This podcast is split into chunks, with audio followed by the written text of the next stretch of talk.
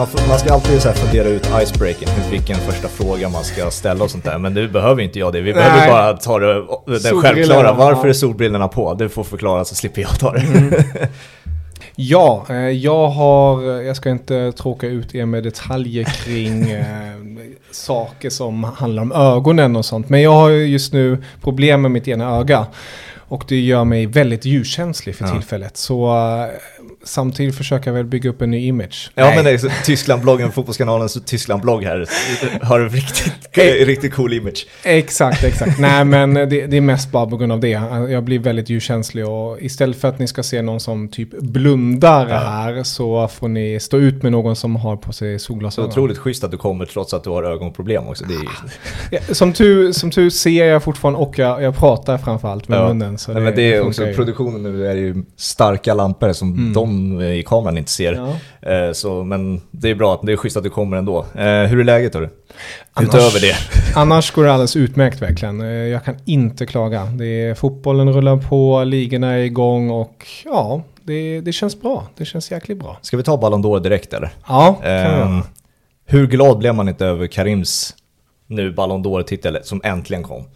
Ja, jag tycker, jag tycker det är fascinerande när man tänker efter så här, vilken resa han har gjort. Mm. För att om någon hade sagt för fem år sedan Karim Benzema är den självklara Ballon d'Or-vinnaren, då hade jag ju nog tvekat en hel Mhm. del. Men med tanke på vad han har presterat de senaste åren på planen, det är, ja, självklart ska han vinna det priset tycker För jag. mig var han alltid en av världens bästa anfallare. Men Mm. under så BBC, eh, Ronaldo, Bale och Benzema var han alltid den svagare av de tre en- Mm. enligt mig. Och jag tyckte alltid att man kunde steppa upp det ytterligare med att om man kunde uppgradera Benzema så hade man Mm. kunnat matcha MSN-trion i Barcelona. Och från att gå, som du säger, från det och ta över ansvaret från Ronaldo och numera är världens bästa fotbollsspelare. Mm. Det den typen av klättring har vi ju inte sett. Upp till en Ballon d'Or-titel Mm. i alla fall. Eh, Luka Modric möjligen.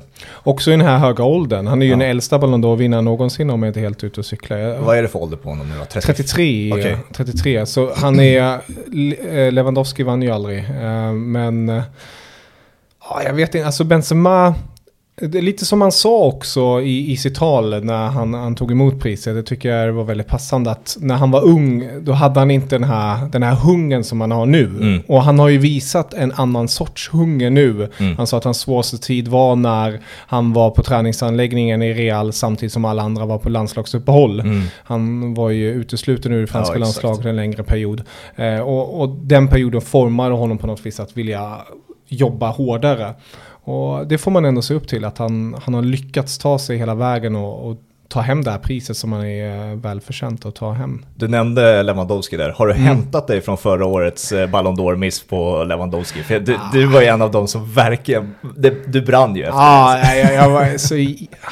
Egentligen ska man inte ens titta på det här Ballon d'Or. Det man blir så trött varje gång. Men det här med Levi, han, att han inte vann det under covid-året och att han inte vann det därefter. Han, han har varit helt outstanding och vad han gör nu i Barca återigen. När vi spelar in där har han precis dunkat dit två baljer till. Mm. Han är ju helt sanslös och jag tycker han borde verkligen ha fått det tidigare. Var frustrationen också för att han var en representant för både Bayern München men också Bundesliga? Mm. Det är där frustrationen också Det, det är där det brinner lite mera Ja. framförallt. Precis, eh, du, du sätter fingret på det. det. Det är ju på något sätt, på grund av att jag följer den tyska fotbollen, så, Mm.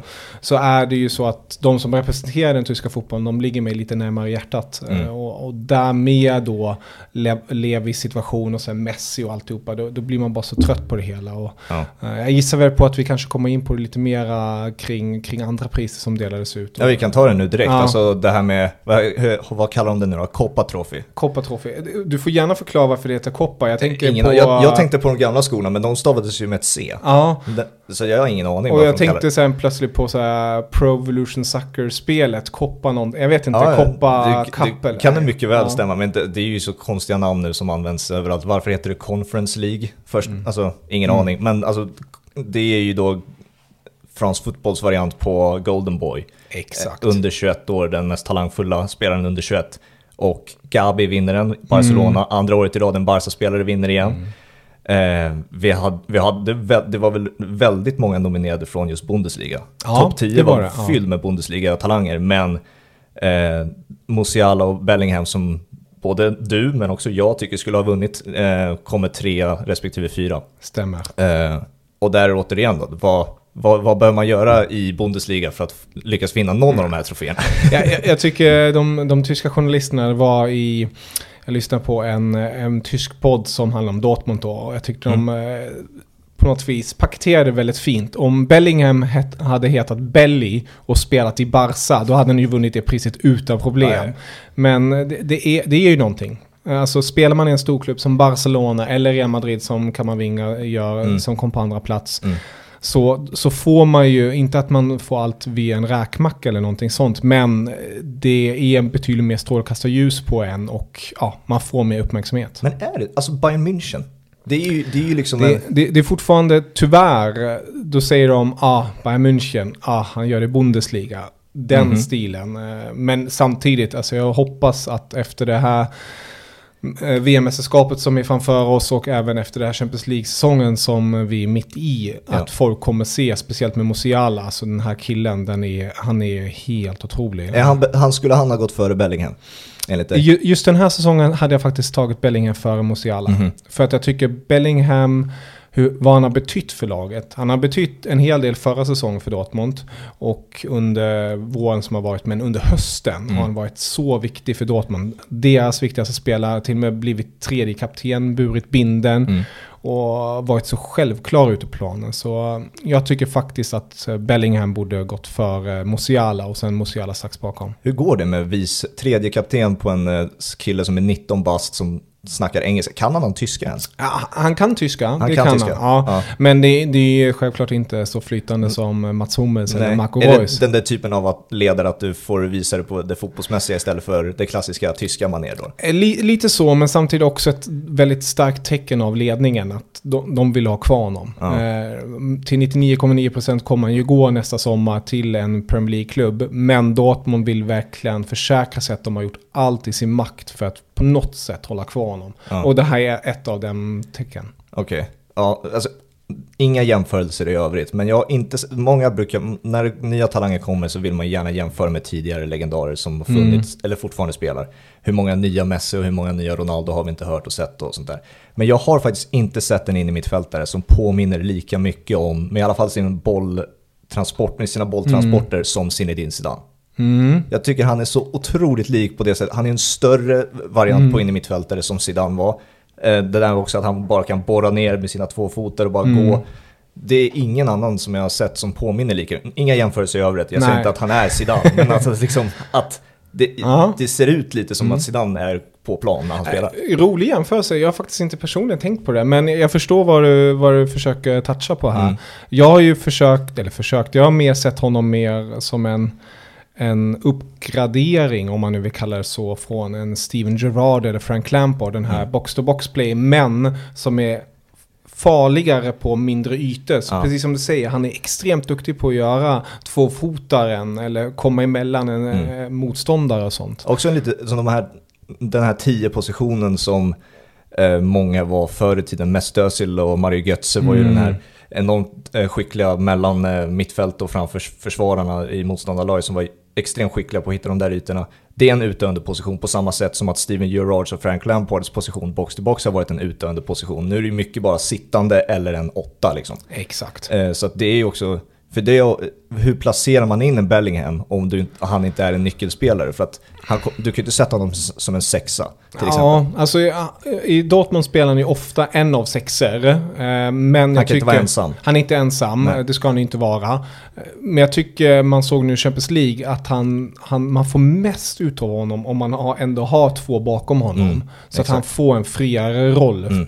Eh, i det offensiva spelet. Men även kan jobba hem så mycket han vill i det defensiva. Mm. Nu hade han Özcan och eh, Emre Can bakom sig så det är två stabila pjäser och så kan han latcha lite där framme. Mm. Där tycker jag ändå att han är som bäst. Eh, Frågan är bara, med tanke på vilka storklubbar som är ute efter honom, vilken klubb han borde gå till. Ja, vad är det? Vad är din analys på av det hela? Vart han landar?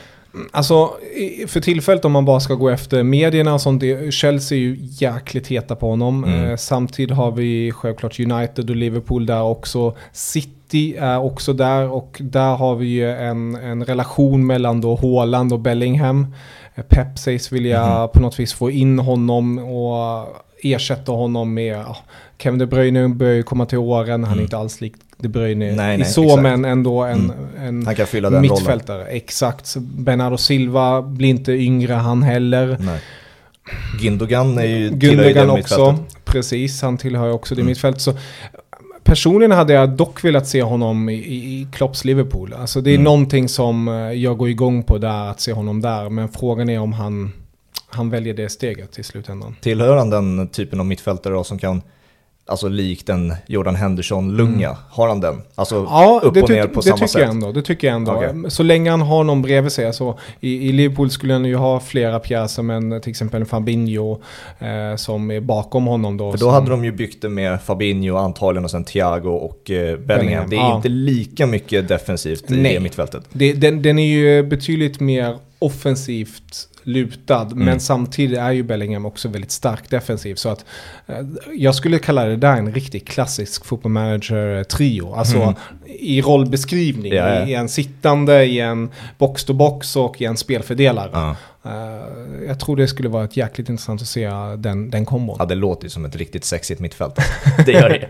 det gör det. Om vi är tillbaka till Ballon d'Or-galan, är det någonting som, flera utropstecken eh, som sticker ut där utöver Copa Trophy och eh, vinnaren av Ballon d'Or mm. såklart. Ja, det är väl snackisen kring eh, laget. Eh, vilket, vilket är det bästa laget? Och, ja, det är Manchester City tydligen. Ja, och, och det, det, blir ju väldigt komiskt när man väl eh, kikar på vilka spelare som har vunnit. Och då är det ju väldigt mycket Real, mm. tungt.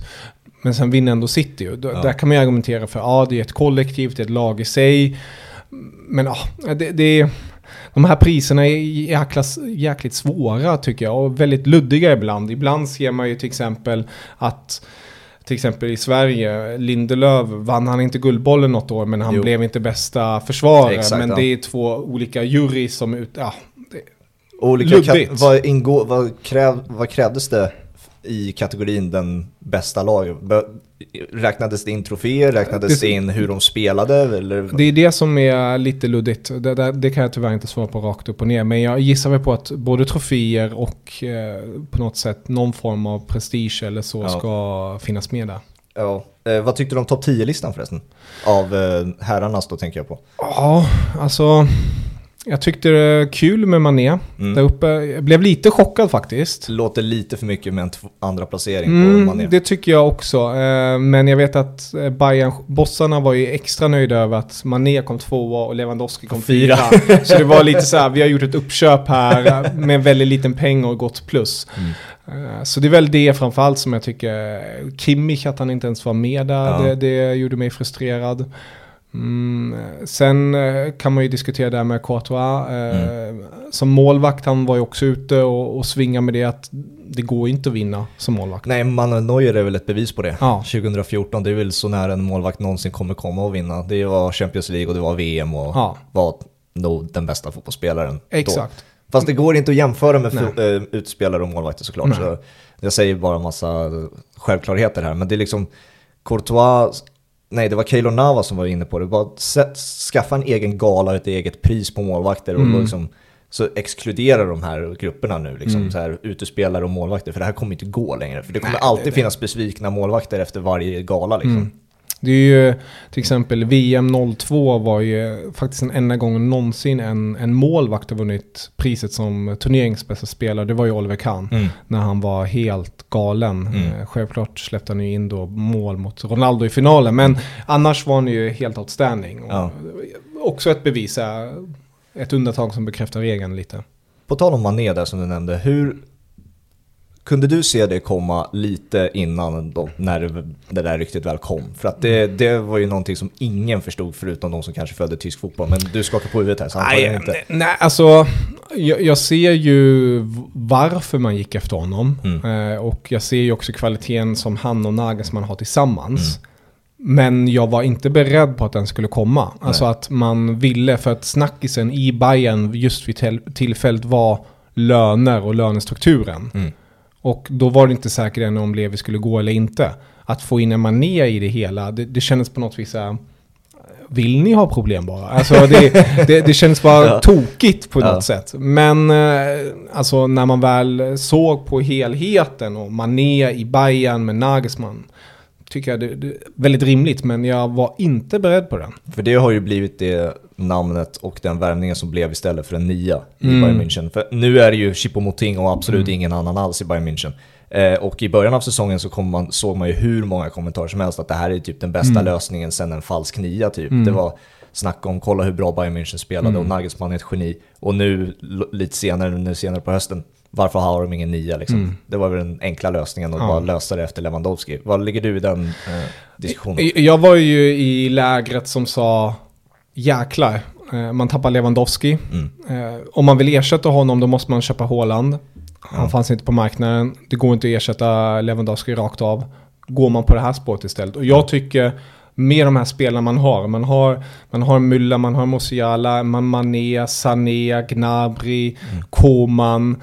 Alltså den offensiven och den möjligheten för att de är så flexibla och kan skapa det här kombinationsspelet tyckte jag personligen, det här har en helt annan höjd Mm. än vad man hade tidigare. Man var så lättläst med Lewandowski för man Mm. visste bollen kommer alltid gå igenom Levi. Ja. Punkt. Nu, i, speciellt i början av säsongen när han körde sin 4-2-2-2 uppställning Ja, så jävla sjukt. så, så gick det, äh, det gick som på ett snöre. Mm. Men sen började det hacka, det började gå långsammare, spelarna gjorde mer individuella misstag, eh, inte samma engagemang. Och då fallerade det. Mm. Och det är det som är grejen här. Här kan man inte ha tio eller nio spelare som gör sitt jobb. Här måste alla göra sitt jobb hela tiden. Mm. Annars, annars funkar det inte. Och det har vi fått se under höstens gång. För mig var det ju så här under den sommaren, okej, 48 mål gjorde väl Lewandowski, Mm. något sånt där, förra säsongen. Hur löser man det? Vem finns på marknaden som du sa? Ingen Haaland. Okej, den närmaste kommer är Cristiano Ronaldo. Mm. Och nu är det ju väldigt opopulärt att ha Ronaldo i sitt lag. eh, Men du, just då under sommaren, det är det närmaste du kommer en garanti på det.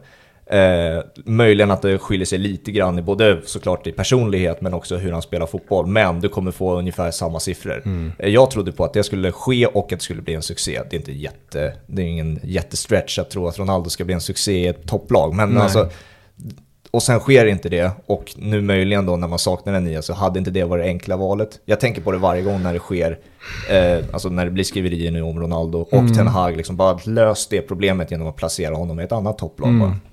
Jo, jag förstår ju poängen och rent sportsligt hade den ju definitivt levererat, tror jag, eh, ändå. Sam, samtidigt kan man diskutera, skulle han passa in i Nagelsmans system likt han inte passar in i Erik Ten Hags system? Mm. Och sen kom vi återigen till det här med lön Mm. och hela den strukturen. Och eh, lite, Dortmund var ju, Bayern tänkte på det men var rätt så snabba på att säga nej, han Ja. är inget för oss. Dortmund var lite mera och tog på det Ja. och så, men märkte sen bara, skulle vi ta in honom i det här omklädningsrummet? Alltså, det, det, det klassiska, dynamiken hade Ja. blivit en helt annan. Eh, och jag, jag tror tyvärr att, att det inte hade funkat. Det hade varit jävligt kul för, för ligan att få Mm. in en sån spelare med den kalibern och den uppmärksamheten.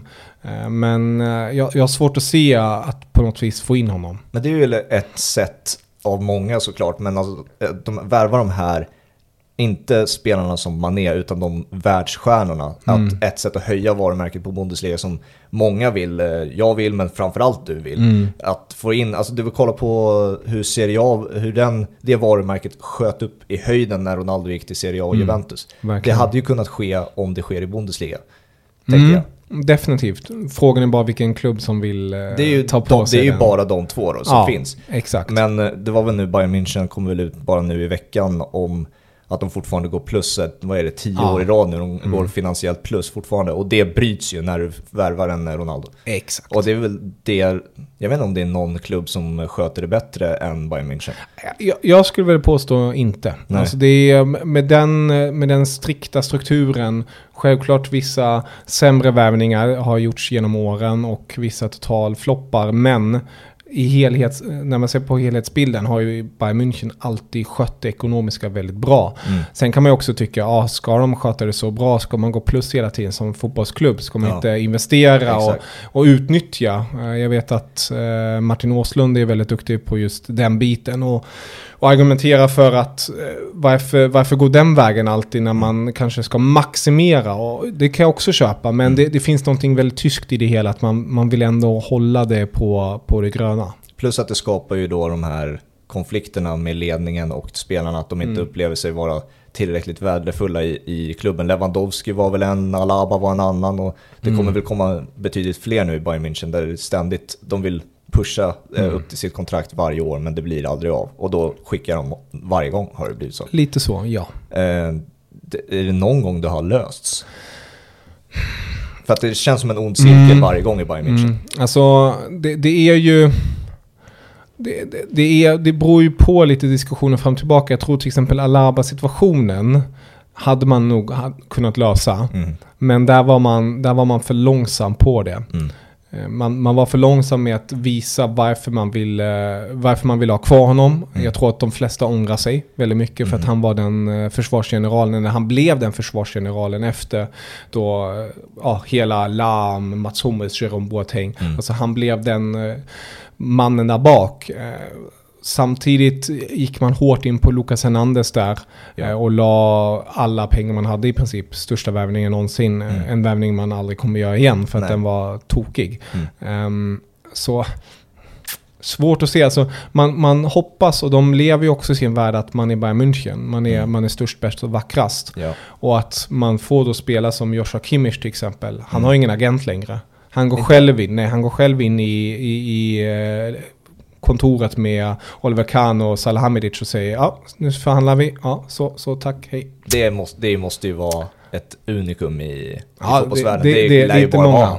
Det, det är inte många och det uppskattas ju väldigt mycket också att, att man på något vis har en spelare som är så säker på sig själv och Mm. vill stanna kvar. ja. Samtidigt som han självklart inte går in och säger att ni behöver inte ge mig någonting. Han, han är ju en av de bättre betalda spelarna i Bayern München. Men Mm. samtidigt är det så här, ja, det finns en respekt gentemot varandra. Ja. Inte det här klassiska agentspelet som det var med Lewandowski till exempel. ja. Hur, är, hur mycket skadades hans eh, Ba- Bayern München, eh, alltså, du var ju inne på det att det, Mané, att han kom före att i Ballon d'Or-listan Mm. nu att eh, det var en vinst för Bayern München. Hur Mm. infekterad är den där relationen nu? Jag skulle vilja säga att den har, den har lagt sig. Ja. Han kom ju tillbaka och, och inte bad om ursäkt men um, lugnade det Ja. hela, gav allihopa en klocka och lite sånt. Så, Ehm, så så- vinner man vänner. Exakt, nej men jag tror att hela den där våren som var, var jobbig Mm. för samtliga. Lite likt som vi fick se Dortmund med Haaland. Mm. Det enda som det snackades om var vilken klubb ska Haaland gå Mm. till och samtidigt åkte Haaland och hans agent, eller Haalands pappa och hans agent runt hela Europa och gjorde någon turné för Ja. att checka. Och vi har ju sett resultatet i en dokumentär därefter. Ja. Och, och det har på något vis stört både fansen i Bayern men även styrelsen. Ja. Att det gick så långt. Och sen har man ju den välkända Pirayan, alltså Lewandowskis agent. Eh, som eh, jag inte kommer ihåg namnet nu rakt upp och ner, men smeknamnet är just Pirayan. Eh, han, Vilka har, är agenter han, eller Han- klienter han har? han har ju bland annat Alaba också. Mm. Eh, och sen har han några till, jag tror till och med Neymar har han också. Så han, Mm. han är en väldigt högt uppsatt agent och tycker om att skaka trädet ordentligt och, och sådant. Så där, där fanns det också någon så här form av irritationsmoment kring det hela. Mm. Men samtidigt har Kahn och resterande styrelse sagt väldigt tydligt Levi, han är ju modern tids bästa målkung någonsin Mm. i, i Bundesliga och i Bayern München. Mm. Eh, han har slagit de flesta rekorden. Eh, finns fåtal rekord kvar som eh, den fine Gert Müller har kvar. Men annars har Lev- Lewandowski tagit alla. Mm.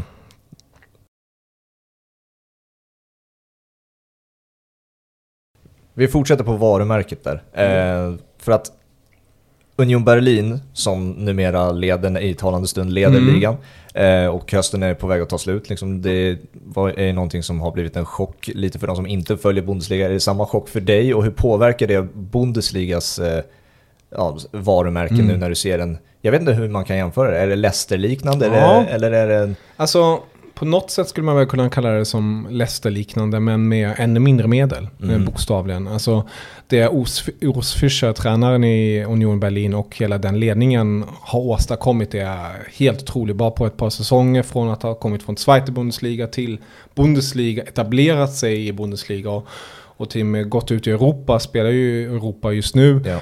Och nu leder Bundesliga. Det är, det är egentligen rätt så galet. Ja. Men där, där, visar man verkligen på när man har en tydlig struktur och mm. på något vis en plan. Vad är den då, strukturen och planen? Strukturen är framför allt att, eh, likt många andra sådana här klubbar, har ett, ett kollektivt spel. De är väldigt kompakta bakåt och har snabbt anfallsspel. De har ju anfallare så som Becker, som Malmö fick bland annat uppleva, en, en blixtsnabb anfallare. Ja. Eh, de har också alltid. Det är det som är så coolt. De hade ju Taiwo, eh, för detta Liverpool-spelaren som aldrig har spelat för A-laget. Han mm. som nu spelar Nottingham Forest. Mm. Han var ju deras målkung. Kom för cirka 6 miljoner euro. Såldes för cirka 20 miljoner. Mm. De har alltid en, två ersättare för respektive spelare som de har i sin, sitt lag. Mm. Har de en scoutinglista för. Om han försvinner, då plockar vi in honom. Mm. Om han försvinner, då plockar vi in honom. De är verkligen hela tiden två, tre steg framför marknaden. Så att de vet om, okej, okay, vi kommer förlora den här spelaren. Mm. Hur ska vi kunna ta in nästa och ändå ta nästa kliv framåt. Mm. Och det är det som har varit det mest fascinerande tycker jag med den klubben. Att de har kunnat hålla i den farten. Hur många topplag har de mött hittills? De har ju mött, de vann ju nu senast mot Dortmund med 2-0. Eh, de kryssade mot Bayern München. Eh, och sen, får jag tänka efter, har de annars en topplag? Eh, inte vad jag kommer på på rak arm så, men det är i alla fall Bayern och Dortmund har de bakom sig redan för, det för hösten. Är, för det är det ju intressanta mm. när det kommer till lag som inte har samma förutsättningar som storlagen. Mm. Hur man tar sig an den matchen. Mm. Är det backa hem. Eh, Leicester var ju en blandning av mm. Eh, en, en kompakt defensiv struktur med lite flärd uppåt med Vardy och Mares och allt vad det var. Eh, vi ser ett lag som Brighton i Premier League just nu som försöker spela ut varenda mm. lag de möter. Hur fungerar Union Berlin i, de topp, i toppmatcherna? Alltså jag skulle väl säga att de är väldigt smarta i sitt spel. De, de är kompakta i försvaret. Det är framförallt det som är det svåra. Det, det är verkligen som en, en mur där bak som håller konstant kompaktheten. Eh, det fick man se mot Bayern München, de kom inte igenom. Samtidigt var det ett Bayern som var inte i sin bästa form, men det var ändå ett, ett Union som gjorde ett jävligt bra jobb. Mm. Sen ska det också tilläggas, de här matcherna som de hade mot Dortmund och Bayern, det var hemma. Ja. Och på hemmaplan är de extremt tuffa att okay. möta. Det är där de känner sig som bekvämast och har också tagit de bästa resultaten. Eh, och det är lite det de fortsätter på på det spåret. De, de eh, förlikar sig med att de inte är det största bästa laget men de håller sig till det defensiva spelet och försöker göra snabb, snabbt kontringsspel. Framförallt när de möter mycket bättre lag. För att likt Dortmund och Bayern, de ligger alltid så högt upp med försvarslinjen mm. och det är där de hugger och, och ja, gör helt enkelt sin grej. Det har ju blivit lite av eh, Bundesligas eh, topplag, vad ska man säga, deras sätt att torska matcher på har varit den här höga backlinjen. De, de, de torskar ju på det nästan varje gång. Mm. Och jag vet du och jag har pratat om det jättemycket. Att om de bara skulle vara, finnas lite mer smartness och inte fokusera på att ha den där höga backlinjen mm. så otroligt högt varje gång så skulle de kunna gå längre, till exempel i Europa, mm. betydligt mycket mer. Hur mycket skadar det egentligen? Jag tror du är inne på det, alltså det skadar ju väldigt mycket till en viss del, men det är lite som så här, speciellt Bayern München som är perfektionister mm. som hela tiden vill pusha mot gränsen. Att bara så här, håller vi den här höga linjen, pressar vi ner motståndaren ännu mer, vinner vi bollen upp ännu längre upp, har vi närmare till mål, kan vi göra fler mål. Det är ja. hela tiden den, mm. den tillvägagångssättet man är efter. Och då, då skiter de, okej, okay, ibland, ibland vill det sig inte, då, då får vi baklängesmål. Och det är där man måste då vara beredd med en spelare som Davis, mm. som man har i sin backlinje i Bayern München då, som kan ta den där hemåtlöpningen och, och vinna de flesta duellerna där. Men mm. ibland vill det sig heller inte. Nej. På tal om Davis, hur mår han alltså? För det här med hans hjärtproblem, mm. han, och nu har han väl skadat sig igen, eller var skadad i alla fall. Hur? Äh, nu, nu, är han, nu är han tillbaka, ja. nu ska allt vara på det goda, ja. eh, så att säga. Och det, det, känns ju som att med den där hela hjärtproblematiken och skadeproblematiken, en så explosiv spelare, är Bayern väldigt försiktiga med honom. Mm. Att man, man vill inte ja, på något vis eh, pusha för mycket. Men för tillfället mår han bra. Hur nära var han avsluta karriären på grund av sin där hjärtproblem? För att det var ju så, alltså när han kom fram där 2020 var Mm. det ju typ det, det, det sjukaste, närmaste Theo Hernandez som man kommer i Mm. Milan. Alltså den här explosiva yttern som spelar snarare som en vänsteranfallare i Mm. anfall och så vidare. Eh, det var ju någon, eh, någonting extraordinärt, sen bara Mm. försvann han på grund av det. Mm, Liksom. Äh, Utifrån det som jag hörde och läst eh, så fanns det inte riktigt på kartan att han skulle sluta. Men självklart finns en risk där, Mm. alltså med just hjärt. Men eh, utåt var det hela tiden, det här tar vi oss igenom. Mm. Det, här, det, här är, det här är en jobbig period men det finns ett slut på det hela. Vad var det för problem? Var det hjärtinflammation? Ja, det var en hjärtinflammation i någon hjärtkammare om jag förstod det hela rätt. Jag, jag är inte så, Nej. jag är inte utbildad läkare, även om jag har mitt öga och hört ett och annat den senaste tiden. Men eh, jag håller mig utanför den grejen. Ja. På tal om eh, Bundesliga-talanger, Mm. jag nämnde ju det med Koppartrofén, hur många talanger som Mm. fanns med i nomineringarna. Jag tänkte att vi kunde dra upp listan här och sen Ja. se vilka du tror på mest och, eh, och sen också om jag missar någon, för det kommer jag säkert ha gjort. Eh, vi, I Leverkusen har vi Flo, Florian Wirtz, eller Wirtz, hur Wirtz. Wirtz. Eh, Makoko i Mm. Dortmund. Eh, Karim Adiemi i Dortmund. Mm. Eh, Bellingham i Dortmund. Musiala i Bayern München. Mm. Eh, Gra Grevenberch i Bayern München. Ja. Eh, och sen är det någon i Leipzig som också var nominerad i Copa Trophy som jag har glömt nu. Gavi, Guido, något sånt där. Okej, ja, det kommer jag heller inte ihåg. sjätte Ja, plats tror jag. Ja, Eh, nu minns jag inte namnet, vi slår upp det på, eh, på, ja, upp på skärmen nu så ni kan se vem jag menar. Men alltså vem rankar du högst där? Vem har mycket potential? Vem kanske är bluffen där också som inte kommer nå lika långt?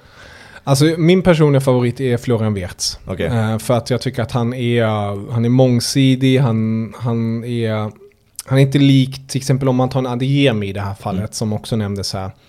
Han är duktig. Mm. Inget snack om saken. Han är teknisk, han är snabb. Men det är framförallt att han lever på sin snabbhet och teknik. Eh, tar man bort det så försvinner väldigt mycket av hans spel. Mm.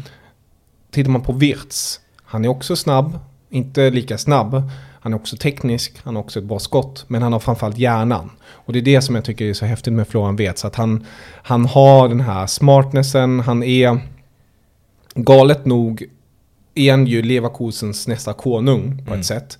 Han kom precis efter, sjukt nog, Kai Havertz som var Mm. den unga konungen som lämnade för Chelsea. Och då tänkte man, ah, lycka till fylla Kai Havertz skor.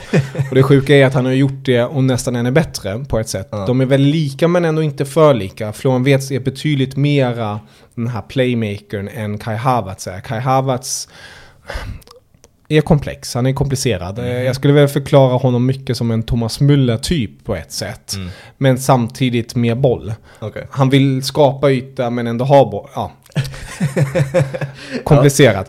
Ja. Eh, Men eh, när det kommer till de här spelarna håller jag Wirtz väldigt högt. Han har ju korsbandsskada just nu. ja, Eh, just det. Ja. Kommer förhoppningsvis tillbaka nu närmaste veckorna och är ju en av Flicks, Hansi Flicks, Tysklands förbundskaptens favoritspelare också. Så han Okej. kan vara uttagen till landslaget. Men hur blir man nominerad till en Copa Trophy om man har varit borta i korsbandsskada i nästan ett år? Eller hur länge sedan var det han drog I korsband? mars. I mars. Hur, hur mycket åstadkom han? Återigen, Gavi vann. Alltså jag säger det bara. Det är, det, jag vet inte, de, de tittar kanske på stjärntecken och tycker att det där är en Det superspelare. hade jag inte ens tänkt på, för fan vad sjukt. Han, ja.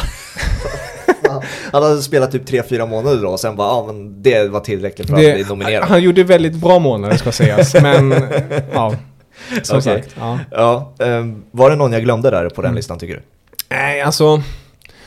Det finns ju alltid många duktiga spelare, men de som du nämnde där är ju verkligen de som det skrivs mest om. Mm. Mokoko, Yus- Yusufo Mokoko, anfallaren Mm. eh, i, i Dortmund. Ung, han eh, gjorde ju typ 100 miljoner mål i, i Dortmunds U-lag. Ja. eh, Och spelar kanske 10 matcher bara. Alltså han, helt outstanding spelare som har haft ett väldigt tufft första Mm. proffsår. Kommit in i det lite mera tycker jag. Är en väldigt speciell speltyp. Alltså kompakt, stark, men kort anfallare. Eh, Lite så här... Inte så vanligt längre tycker Nej. jag, som man ser på den absolut eh, högsta nivån. Ehm, spännande att följa hans karriär, om Ja. han kan på något vis fortsätta med det här näsan för målet som han har. Kommer han vä- välja Kamerun eller Tysklands landslag? Han har ju valt eh, hittills eh, Tysklands landslag Okej. ehm, för U, Hur långt U21-landslaget och sånt. Är det U21 Ja, han har spelat U21 och det snackas om att eh, land, A-landslaget är snart på G. Men Alltså, ja, vi kan räkna upp alla som, som Tyskland har i offensiva ledet med Ja. Timo Werner, med Kai Havertz, med Sané, med Gnabry, med Müller, med Reus, med Musiala, med Florian Wirtz, med Adeyemi. Inte så många nior dock. Nej, och det, det är det som är grejen där. Han är dock heller ingen riktig nia som man kanske vill ha. Alltså Nej. man vill ju ha en lite större typ. Och I alla fall inte en ensam nia. Han skulle spela bra med två. Exakt, Mm. exakt så. Eh, och, och där är det ju stora snackisen just nu i, i Tyskland. Hur ska man lösa nya problemet Mm. i, i Tyskland? Och jag har ju varit fram och tillbaka där. Jag vet inte om vi ska öppna den dörren. Kör. Eh, Vad fan, det är ju Qatar-VM snart. Det är ju VM och Tyskland som ska spela också. Så att, Ja, nej alltså det, snackisen är ju, Kai Havertz har ju alltid varit en förespråkare för att han ska spela en falsk nia. Okej. Han är stor, han är stark, han, han kan ta emot bollen och fördela den på ett bra sätt. Men desto mer jag sett honom på den positionen, jag tycker han gjorde det bättre i Leverkusen. Nu i landslaget senast när de mötte till exempel England, han, han faller för långt ner bak Mm. och då finns det ingen i, i boxen längre. Nej. Och då är det nästan så att jag tycker att det var härligt att se en Timo Werner där framme. Låter kanske galet för Ja, att det är alltid galet när man säger det. men, men det han gör för laget, alltså de, de löpningarna han gör, han, han springer, han jagar ständigt.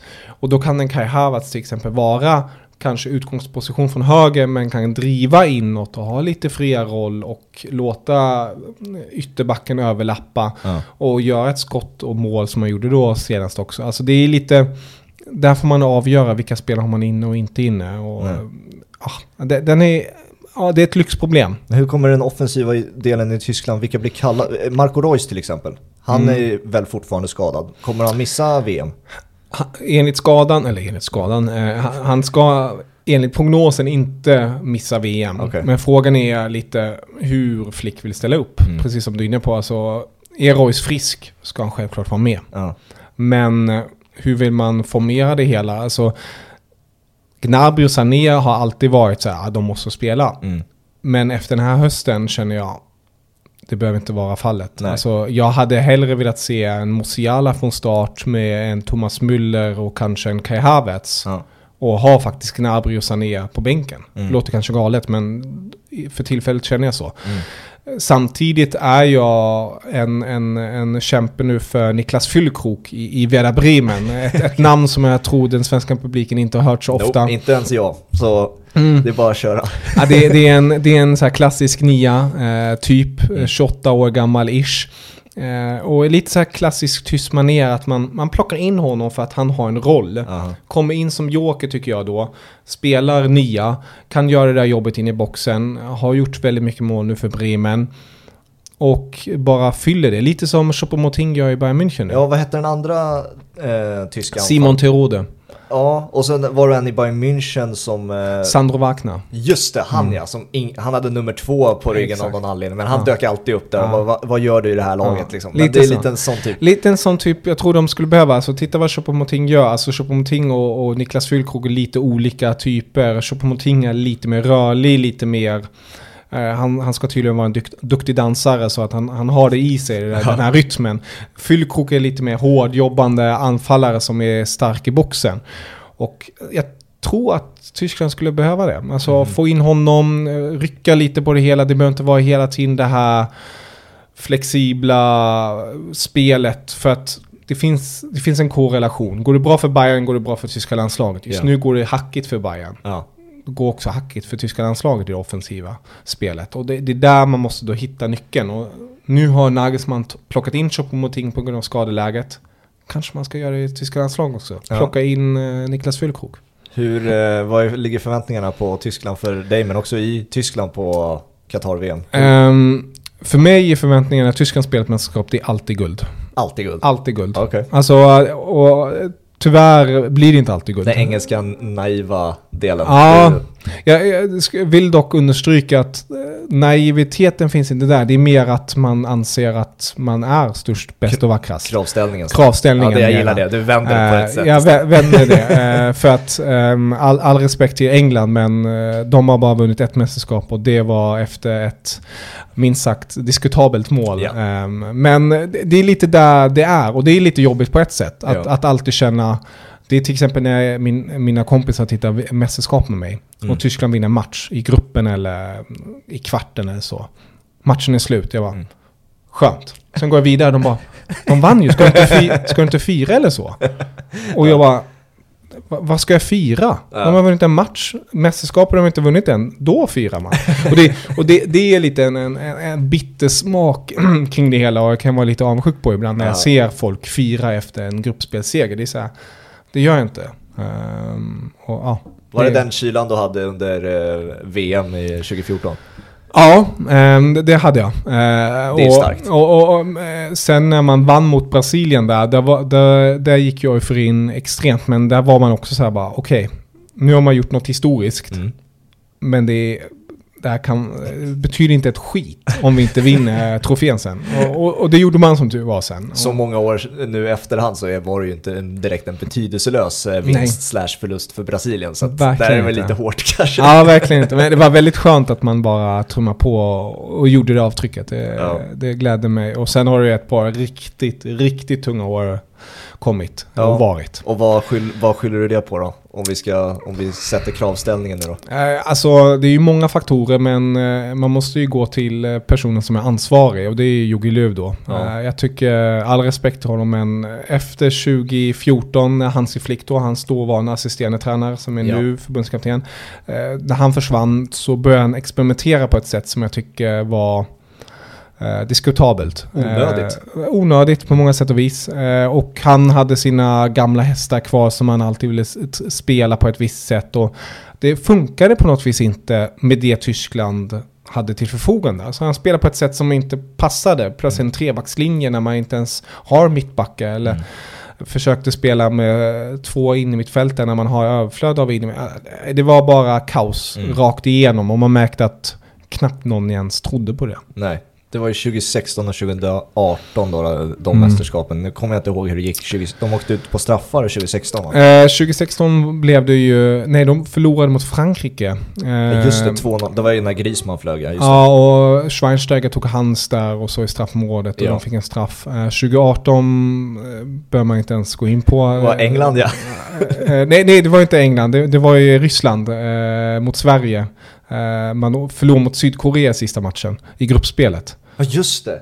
Ja. Det var EM nu senast jag tänkte på. EM, ja, EM, England. Ja, det, det var... Ja, Rys- just det, Rysslandmästerskapet. Det, den var, det där måste ju vara någon typ av Nej, det- lägsta nivå. För, Alltså det, det måste vara, alltså Tysklands insats mot Sydkorea måste vara världshistoriens sämsta match någonsin. Alltså att, att man har allt i sina egna händer. Mm. Man behöver bara plocka poäng. ja. Man förlorar. Och jag, jag, nu, jag har ju sagt att Manuel Neuer möjligen kunde ha vunnit en Ballon d'Or, men det, jag, alltså, vill inte att Tyskland nödvändigtvis skulle eh, förlora, men jag njöt av att Manuel Neuer, eh, återigen, vi snackar om naivitet, alltså Mm. naiva delen i Manuel Neuer, att han tror att han kan spela 8, 10 Ja. och tappa bollen på det sättet han Ja, gör. nej. Det var, det var en personlig vinst för mig, för jag har alltid tyckt att den kaxigheten har gått till en överdrift. Mm. Att han kan spela typ av en libero och lite till. Mm. Eh, jag vet inte hur den eh, frustrationen finns i Tyskland. Om han fortfarande är hjälten som har, alltså, är innovativ när det kommer till målvaktspositionen. Han, han har ändå gett så mycket till, till landslaget och jag,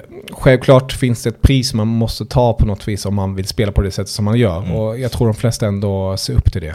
Eh, Fullständigt. Men jag, jag, jag förstår det. I vissa sekvenser blir jag själv väldigt frustrerad över att han eh, kanske tar ett steg för mycket. Den eh, VM-finalen där när han på riktigt är nära på att eh, ge Higuain någon typ Mm. av så här, bryta nacken på honom. Mm. Är, eh, vad, hur ser du på den situationen som tysk? För att för mig var, det blev ju inte ens någonting tror jag. Nej. Eh, den var ju liksom, där blev man, det var en av få gångerna man har tänkt så här: okej, där kunde någon ha dött. Mm. Liksom. Alltså, som ett fan var det så här, Ställ dig upp. bollen rullar, eh, domaren är inte blå. Alltså det är så, men självklart, alltså det, det ska inte gå så långt att, att spelare blir skadade så att de inte kan spela vidare. Eller, eller ännu värre. Alltså vi har ju en bekant, Oliver Kahn, som gjorde kung fu-sparkar mot motståndare Ja. ibland, eller bet dem i nacken. Ehm, så det, det finns ju en viss... ehm, som min eh, gode vän säger, alltså målvakt är ju en annan sorts människa, om man vill kalla det så. Och tyska målvakter specifikt då. Mm. Alltså det är, jag kommer aldrig glömma bort när man hör dokumentären eh, om Tyskland 06 i VM då. Mm. Eh, och där var ju just målvaktskampen eh, det hetaste temat. Ja. Oliver Kahn som har varit nummer ett de senaste åren. Eller ska Jens Lehmann kliva in och bli mm. nummer ett? Jogge Löw gör det, det kritiska valet att han säger Lehmann är nummer ett. Mm. Och Kahn och Lehmann är ju offentligt och alla vet det. De hatar varandra. Ja. Alltså de säger också det till varandra i ansiktet. Jag hatar det, du hatar mig. Ja. Vi vet det. Men att, att man hör då eh, från lägret i efterhand, Oliver Neville har berättat i en intervju, fantastiskt. Träningarna var det fruktansvärda, för att han har inte upplevt något värre. Spelar du i samma lag som Oliver Kahn, så vill du inte att han ska släppa in ett mål, för då blir han tokig. Mm. Men du vill samtidigt inte göra ett mål, för då blir Jens Sleman tokig i det andra målet. så det var så här... Nej, det var sinnessjukt. Eh, Mycket där possession-spel i Tyskland. Ja, det var det. Ingen, ingen ville, ingen ville bli, bli ovän med, med dem. Är inte det den, också en av de så här VMs stora händelser när Lehmann psykar Argentina med sin eh, lista i strumpan? Mm. Det, det, var 2006 va? Yes, stämmer bra. Och alltså, det, det, det, är inte ett rykte, det stämde va? Att han hade alla argentinska mm. spelare på, i strumpan va? Exakt, han hade det. Eh, de hade gjort väldigt noggrann analys innan, väldigt mycket Klinsman i det hela, eller jag sa Jogelö förut, uh, ursäkta. Ja, det var, assisterande tränare, det var Klinsman som var huvudtränare. Uh, Klinsman tog väldigt mycket inspiration från Amerika med fysträningen men även med just analyser och sånt. Mm. Och det tog han med sig till det här då. Uh, just sekvensen innan, innan straffläggningen var ju faktiskt en av de finaste momenten i min i mitt fanliv, om man nu ska kalla det så. Um, det var när Khan gick då fram till Lehmann och tog honom i handen och ja. bara nickade till. Alltså det, var, det var inget snack, det var bara, det var bara nu, nu, nu gör du det här. Ja. Okej? Okay? Ja. Och det gjorde han. Ja. Nej, det var, det var usch, gåshud när jag bara det, det. det måste man ju också tipsa för om någon drar fram på YouTube efter när jag tittat på mm. det här såklart. Eh, det, den psykningen är svår att matcha, den mm. att han liksom på riktigt tar upp och läser, okej okay, ja. du kommer slå straffen så, då kör vi. Mm. Det, är, det är en av de bästa ja. klippen som finns. Och sen bara gå så här efteråt. Vad ska vi ta mer nu då? Marco, jag nämnde Marco Reus och hans skada. Mm. Eh, en, en personlig favorit hos mig, säkert hos dig också. Är, lek med tanken att skador inte finns. Mm. Hur bra är Marco Reus? Snackar vi om en av världens bästa fotbollsspelare? Ja, jag hade... Jag, jag har funderat på det rätt så ofta. Mm. Eh, inte nu längre lika ofta, men förr. Om Marco Reus hade varit skadefri hade spelat betydligt fler mästerskap än vad han gjorde. Han har ju i princip bara spelat ett mästerskap för Tyskland. Det var mm. EM 12. Mm. Um, han missade VM 14 på grund av en skada precis innan i vänskapsmatchen. Ja. Tog han på sig. Uh, EM 16 missade han också och VM 18. Mm. Uh, och EM 21 hoppade han över på grund av att ja, han ville vila, ja. så som jag förstod det. På grund av efter en lång säsong. Men jag, jag tänker hade han varit skadefri då hade, hade vi nog haft honom där bland, bland de bästa, definitivt. Och han, är, han är ju inte särskilt gammal, han är ju gammal så, men han är 30 plus mm. eh, lätt. Eh, men han är ju inte där när man diskuterar bästa fotbollsspelare. Nej, men alltså om man tittar på så här teknisk förmåga, eh, rå talang. Mm. Det är få som jag gillar, det är två spelare i det lägret som eh, jag tycker det är svårt att matcha dem sett till teknik med boll. Det är Thiago och mm. det är Marco Reus. Mm. På sättet de kan behandla en fotboll. Mm. Det spelar ingen roll om de, för båda har ju dragit korsbandet, båda de spelar. Det spelar ingen roll hur länge, hur mycket borta de är mm. från fotbollen. De kan fortfarande göra vad de vill med en fotboll. Mm. Det är bland de, behandlingsmässigt de bästa fotbollsspelarna. Och älskar bara att se dem spela. Då kan jag göra hur mycket misstag som helst. Jag bara mm. gillar att se hur de spelar fotboll. Ja, de, de har ju rytmen i sig, ja. alltså det ligger i ryggraden verkligen. Eh, och också behandlingen och blicken och alltihopa. Det är, det, det är jäkligt kul att se när han också kommer upp i fart. Som han galet nog fortfarande har i sig. Mm. Eh, och skapar det här kombinationsspelet med medspelarna. Jag minns inte den där 2012 där vem som var vem man trodde på mest, om det var Mario Götze eller Marco Reus i det Dortmund-laget. Det, var, det är väl Mario Götze ändå. För han fick ju den övergången. I och för sig var inte det mm. aktuellt för Marco Reus att lämna eh, Dortmund vid det Nej. tillfället, men fortfarande, det var ju Götze som var affischnamnet. Ja, Götze var ju bokstavligen Golden Boy. Alltså mm. han var ju på något vis Tysklands nästa super, superstar Mm. eh, och skulle vinna Ballon d'Or i framtiden och alltihopa. Mm. Eh, och gjorde så jäkla bra i ung ålder. Han, han var ju också lite så här, Ingen, alltså tittar man på honom rakt upp och ner, ingen större atlet, men Nej. han bara flöt fram på planen och gjorde allt så lätt. Det är en av mina favorit Champions League-finaler, Bayern München-Dortmund Mm. eh, 2013.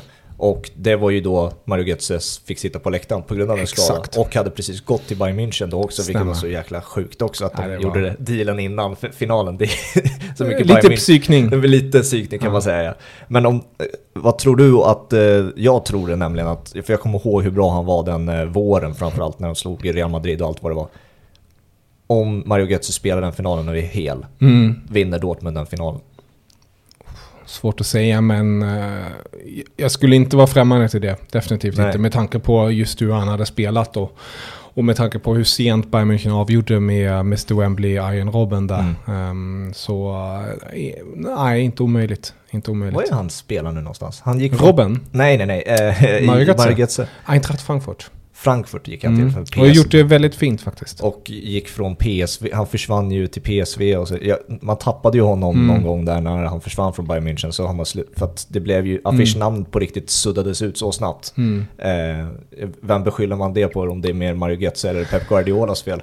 Jag skulle väl säga ehm, först och främst att han gjorde VM-målet. Ja. Eh, han fick en uh, larvigt hög press på sig. Alltså, eh, göra det målet fick man direkt sån här hög eh, på något vis. Det här måste leverera varje gång. Mm. Och sen spelade han i Bayern München också med den mentaliteten.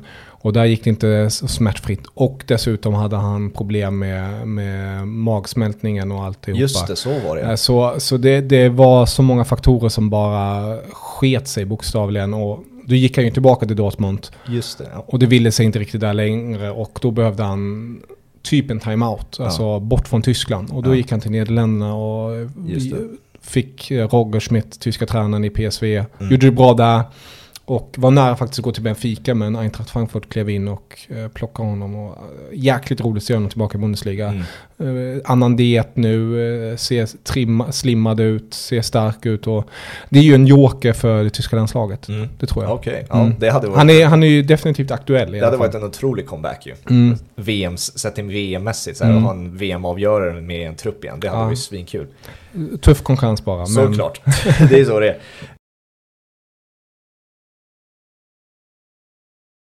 Eh, ska vi ta lite, vi går tillbaka till München och Nagelsmann, vi har nämnt honom lite grann, men vad jag har läst mig till så finns det en trepunktig lista som eh, Bayern München-truppen stör sig på med Nagelsmann. Jag vet inte om, eh, hur mycket den stämmer, om Mm. du har tagit del av den.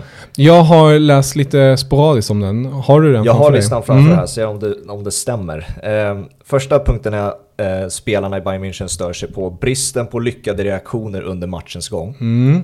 Andra punkten är oförklarliga byten och taktiska förändringar mitt i matchen. Mm. Och den tredje är hans one-man show och impulsiva framträdanden vid sidlinjen.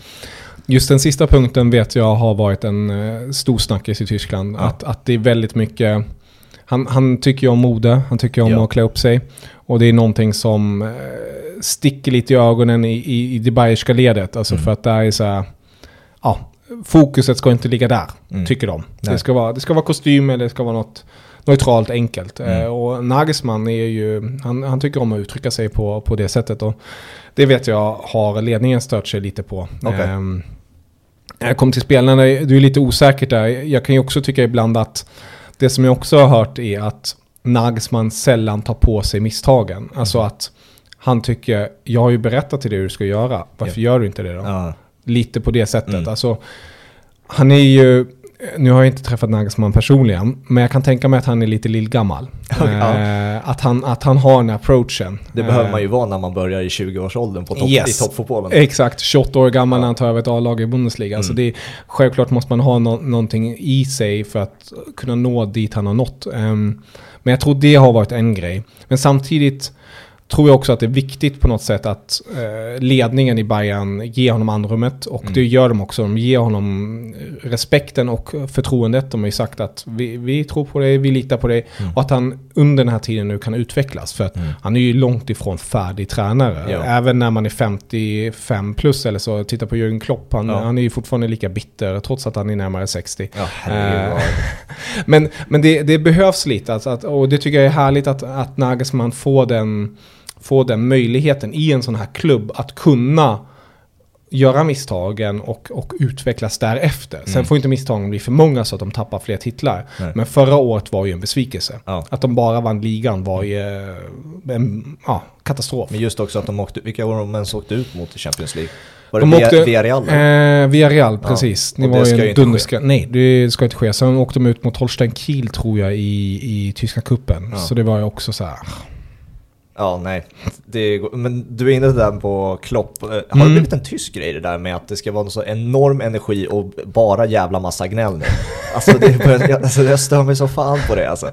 Nej, jag tror mest på grund av att han är pressad. Alltså, den här säsongen har ju inte gått hans, hans väg så här långt. Eh, och, och han är ju... Han är inte en sån som bara nickar och ler och låter saker gå förbi. Nej. Alltså säger någonting, något som han kan bli lite provocerad av då hugger han ju. Ja. Uh, jag personligen, jag tycker om det. Jag tycker det känns levande. Uh, även om jag kan förstå som motståndarsupporter att det blir så här, herregud, håll tyst. Men det har väl gått till en överdrift dock när han attackerar journalister för helt, ja. helt rimliga frågor. Exakt, det tycker jag. Det, det, det, där, där går man ju över en gräns. Ja. Uh, samtidigt kan jag se ironin i det hela, men ja. där, där är det svårt att försvara honom på det sättet. Premier League och eh, tyska tränare hade ju mm. någon slags typ av peak förra året. Vi mm. hade Alfaden Rangnick där, vi hade Klopp och Tuchel, nu är det mm. bara one man show kvar där. Ja. Eh, hur, hur viktig eh, vår och höst var det för dig som eh, tysk supporter där när det hade tysk, ja. Tyskland-influerad fotboll ja. som det var? Jag, jag tyckte det var jäkligt härligt att, att se samtliga tre i Premier League. Sen är jag extremt besviken på hur Rangnick-situationen blev i United. Ja, det där måste vi ta. Uh, jag tycker att den var, det var bedrövligt att man... Jag vet inte. Uh, United-supportrar är betydligt mer insatta i det hela, men man märker ju vilken om man får kalla det så här, shitstorm det, det har varit i, i det där ledningsrummet och ja. hur okunniga många människor har varit som har suttit i bestämmande positioner, mm -hmm. har gjort sina val och sånt. För att Ja, jag är partisk här. Jag, jag, tycker att Rangnick har gjort väldigt mycket för, för fotbollen men även för, för den tyska fotbollen mm. på många sätt och vis. Och där tror jag att han hade, om han bara hade fått mer på något vis verktyg att jobba med, mm. då hade han nog gjort, gjort något helt annat. För vi eh, satt ju nästan ett prick ett år sedan och gick igenom, eh, det är en av mina favoritdelar med när jag var på Fotbollskanalen mm. och gick igenom eh, Ragnik med dig. Vi gick igenom från början av karriären fram till idag egentligen mm. och liksom hur, vad kan vi förvänta oss av den här alfadern som bara, de många hade bara hört rykten om vad det, mm. vad det handlade om liksom. Eh, och sen både du och jag hade ju enormt höga förväntningar och såg fram emot vad som skulle komma. Har, nu när vi har facit i efterhand, är, hur, hur mycket felvinklat är det? För nu är det väldigt mycket, Ragnhild var inte lika bra som mm. man trodde att han var. Hur felvinklat har det blivit nu?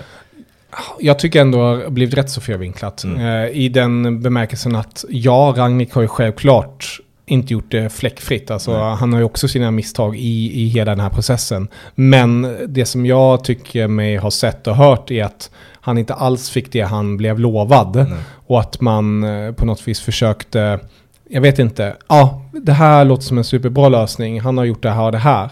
Eh, varsågod.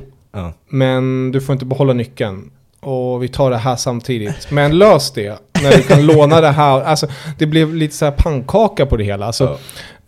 Ska han göra det ordentligt, låt honom göra det ordentligt. Mm. Och då svider det också ett tag. Då, mm. då ryker, lite som det har hänt nu med Erik Ten Hag. Det känns som att med Ragniks avgång mm. Så märkte United, okej, okay, nu, nu, nu, nu, har vi, nu har vi testat allt. Vi måste verkligen gräva djupare. Det måste börja bli obekvämt nu. Exakt, det måste bli riktigt obekvämt nu. För det var fortfarande jäkligt bekvämt för vissa av de där gubbarna. Ja. Och och nu har man ju ryckt bort flera spelare och bör egentligen rycka bort ännu fler spelare. Mm. Men det var det som jag hade hoppats på skulle ske under Ragnik. Ja. För jag tror att han hade gjort det jäkligt bra. För det jag såg fram emot och förväntade mig lite av Ragnik var ju att liksom att, för han stod ju för den här ungdomsfotboll, i alla fall yngre spelare med energi och en viss typ av profil som mm. alltid spelar i hans lag. Men så ser jag varje helg att en Maguire startar. Och att han är kapten och att i varje intervju och presskonferens backar Ragnik eh, Maguire. Det bara, det, det, det, här, den här mm. ekvationen stämmer inte. Hur, hur, hur, kan han säga det och spela honom men samtidigt mm. stå för den här progressiva mm. fotbollen? Vad, vad, var din analys? Äh, min, min tanke där var, det här är ren och skär politik. Ja. Alltså, all respekt till herr Maguire, men satan i gatan, han borde ha stannat i Leicester. Alltså, jag, tror, ja. jag tror det hade gynnat honom och så många andra till. Eh, för att vad vi ser nu i United, alltså nu har vi bort, borta den här klossen Maguire. Vi har mm. fått in en, en Varann skadefri. Vi har fått in en eh, Martinez som gör det jäkligt bra. Ja.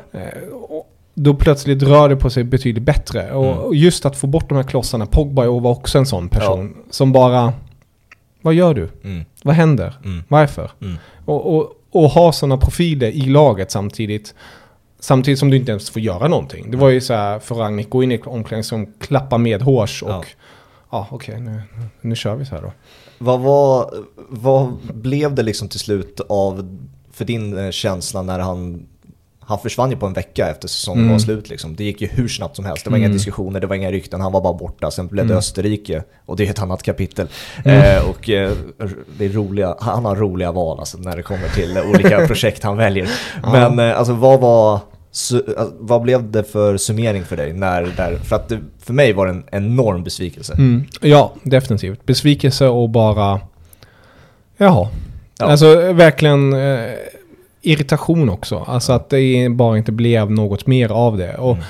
samtidigt på något vis står jag här och predikar och berättar om den stora fina Ralf och som så många andra Som så många andra gör också, men eh, i Sverige kanske inte är så många som, som lyfter och hyllar Nej. honom och den tyska fotbollen. Får man, får man bara stå där med hatten bara, ja det, det, det blev inte så, Nej. men ah, det är tråkigt bara när, det, när, det, när utvecklingen blir uh, verkligen tvärt emot det man hade hoppats på. Du hade ju, du nämnde Nagelsmans otroliga 4-2-2-2, mm. någon till två där kanske. 4-2-2-2, precis. uh. Den formationen som mm. är Ragniks på många sätt. Som han testade med i typ två, tre matcher mm. och sen försvann det också. Mm. Ett projekt eller ett försök som såg mm. spännande ut i tre matcher och sen försvann. Mm. Är det samma som Maguire-frågan där eller vad hände där då? Där tror jag mera med balansen och vill hitta någon form av spets i det hela. Um, han gjorde ju den ändringen efter match mot Gladbach, uh, där de egentligen de spelar en sprudlande vacker fotboll, Bayern mm. München. Men Jan Sommer i Gladbach-målet gjorde ju ligarekord i antal räddningar. Mm. Och då formerade han om till en 4-2-3-uppställning, klassisk tysk, bayersk. Eh, och försökte spela med en Mané eller en Thomas Müller som falsk nia. Och jag vet inte, det, det, det har, det, har inte funkat och jag, jag, hoppas väl på att man eh, kan på något vis hitta tillbaka till den andra formationen. Nu har man dock tagit in Choupo-Moting, eller som någon vill kalla honom nu, Chopodowski. eh, och, och hitta den där, det andra alternativet. Mm -hmm. Och i United då, varför fortsatte han inte med den då? Ragnik alltså? Ja, Ragnik. Jag, jag, tror att det var för många röster i, i, i, den där, i det där köket som sa annat. Och att han inte kunde. Jag, jag, är, inte, jag är för dåligt insatt i, i det lägret, men jag gissar väl på att det var, det var alldeles för mycket uppifrån. Uh, och att han inte fick eh, full styre på det hela. Tror du, vad är det, är det Österrike och eh, sådana där typer av projekt? Eller kommer vi, för United var ju också, mm. det blev ju en strålkastarljus på det. Det blir mm. liksom ingenting större än den klubben nästan. Kommer vi få se honom i en större klubb igen? Eller var det liksom försöket som också fick honom att mättna på det? Jag tror tyvärr att vi inte kommer få se honom någon, i en sån stor klubb. Nej. Nej. Och det skadar ju då tyvärr den med, det mediala och kanske allmänhetens syn på vad han står för och det han är egentligen. Mm. För att alla kommer bara blicka tillbaka på United och säga att ja, det där var hans nivå. Liksom. Det höll inte i Premier League och den högsta nivån. Liksom. Jag tror definitivt britterna kommer att se det så. Ja, um, jag vet det. Det är kanske är många i Sverige som följer Premier League mm. och bara har sett matcherna som ser så också. Definitivt, det, det, det har du fullständigt rätt i. Eh, och det är väl det som är det tråkiga med det hela. För att han har ett legacy. Man kan tycka vad man vill om Red Bull-koncernen och ja. hela den, men vad, han har byggt upp där tillsammans med flera nyckelfigurer är ju helt enastående. Alltså det, det nätverket med scouting, eh, inte bara klassiska, oh, här har man en akademi och skapat många duktiga, eller skapat, man har fostrat många duktiga spelare, man har också fostrat extremt många duktiga tränare. Mm. Uh, och han har varit en, en viktig pjäs i det hela och det tycker jag, är, jag tycker det är makalöst. Och det är väl därför jag hoppades på att Ralf Rangnick skulle kliva upp ett snäpp och bli någon form av sportchef mm. eller no något sådant i, i United för mm. att sen ha någon under sig som tar med hand om det, det dagliga, så som man gjorde i Leipzig. Ja, precis. Vad det, har vi för spelare i Salzburg sånt där som kommer? Jag tänker på en som verkar röra sig genom leden nu som är mm. spännande. Det har vi ju han är, nej, han är i Leipzig nu, Szoboszlai. Eh, ja. är ju i Leipzig nu. Vi har ju den nya anfallaren som kommer till Leipzig nästa sommar. Eh, som eh, Besko, eh, Sesko menar jag, Besko, Sesko. Ja, han är väl också eh, från Salzburg? Han är, han är spelare i Salzburg nu, ja. han kommer gå till Leipzig. Eh, han är redan klar. Ja. Eh, ryktas redan om att Premier League-klubbarna vill köpa honom direkt av Leipzig för okay. att han har gjort så bra ja. ifrån sig i Salzburg. Så det, så det finns ju flera sådana filurer. Vi har ju Marco Rossi till exempel, mm. som är nu tränare i Leipzig, men fick sin chans i livföringen i, i farmaklubben i Salzburg, tog mm. sen över Salzburg, där han bland annat hade Håland, för att sen gå till Tyskland och ta över Glappach och nu är han tillbaka till Leipzig som huvudtränare. Så det är extremt många i, i den tyska fotbollen som har gått igenom den, eh, den eh, Red Bulliska dörren. Ja, det, alltså det är ju, om man vill titta på vart alltså, de stora toppnamnen kommer vara eh, om fem år. Det är bara att kolla längst om det ledet liksom, mm. i Salzburg och i Leipzig. Okej, okay, vi har typ fyra, fem namn här mm. i varje säsong som mm. okej, okay, det här kan bli någonting. Eh, så det ser man också fram emot. Hur mycket, hur, hur mycket har vi nu Gabbe? Vad har vi spelat in? Gabbe, ja. vad har vi spelat in nu? En av tio. Ja, vi ska inte döda Gabbe med redigeringar. Det är bara tiden bara flyter på. Men eh, ja, nu har vi... Det är många som ringer dig nu. Ja, jag märker det. det är, ibland är man populär i de mest otippade tillfällena. Eh, det här var skitkul. Ja, tiden verkligen. bara sprang iväg. Så stort tack att du kom. Nu är du, jag minns för lite mer än ett år sedan när jag pitchade dig ungefär idén om mm. Eh, en podd eh, som jag hade tänkt göra. Nu är jag inne på avsnitt fem och eh, ja, kul att du också, att man sluter cirkeln, att du får vara med också jag får se det, eh, det jag hade tänkt och det det blev. Stort tack för att jag fick komma och snyggt jobbat verkligen. Den här kulissen och sen här uppe också alltihopa. Det är, ni, ni gör ett bra jobb här verkligen. Stort tack, hörru. det betyder mycket. Hur många svenska poddar har du inte i din, i din, i din katalog av alla fotbollspoddar som finns där ute? Vi har nog inte så mycket tid. det finns några stycken i alla fall. Det finns några stycken. Det finns ja. några stycken. Eh, vi får se när det dyker upp igen. Mm. Du är alltid välkommen tillbaka. Dankeschön. Eh, stort tack och eh, tack för alla som har lyssnat. Eh, vi ses igen nästa vecka. Auf Wiedersehen. Auf Wiedersehen.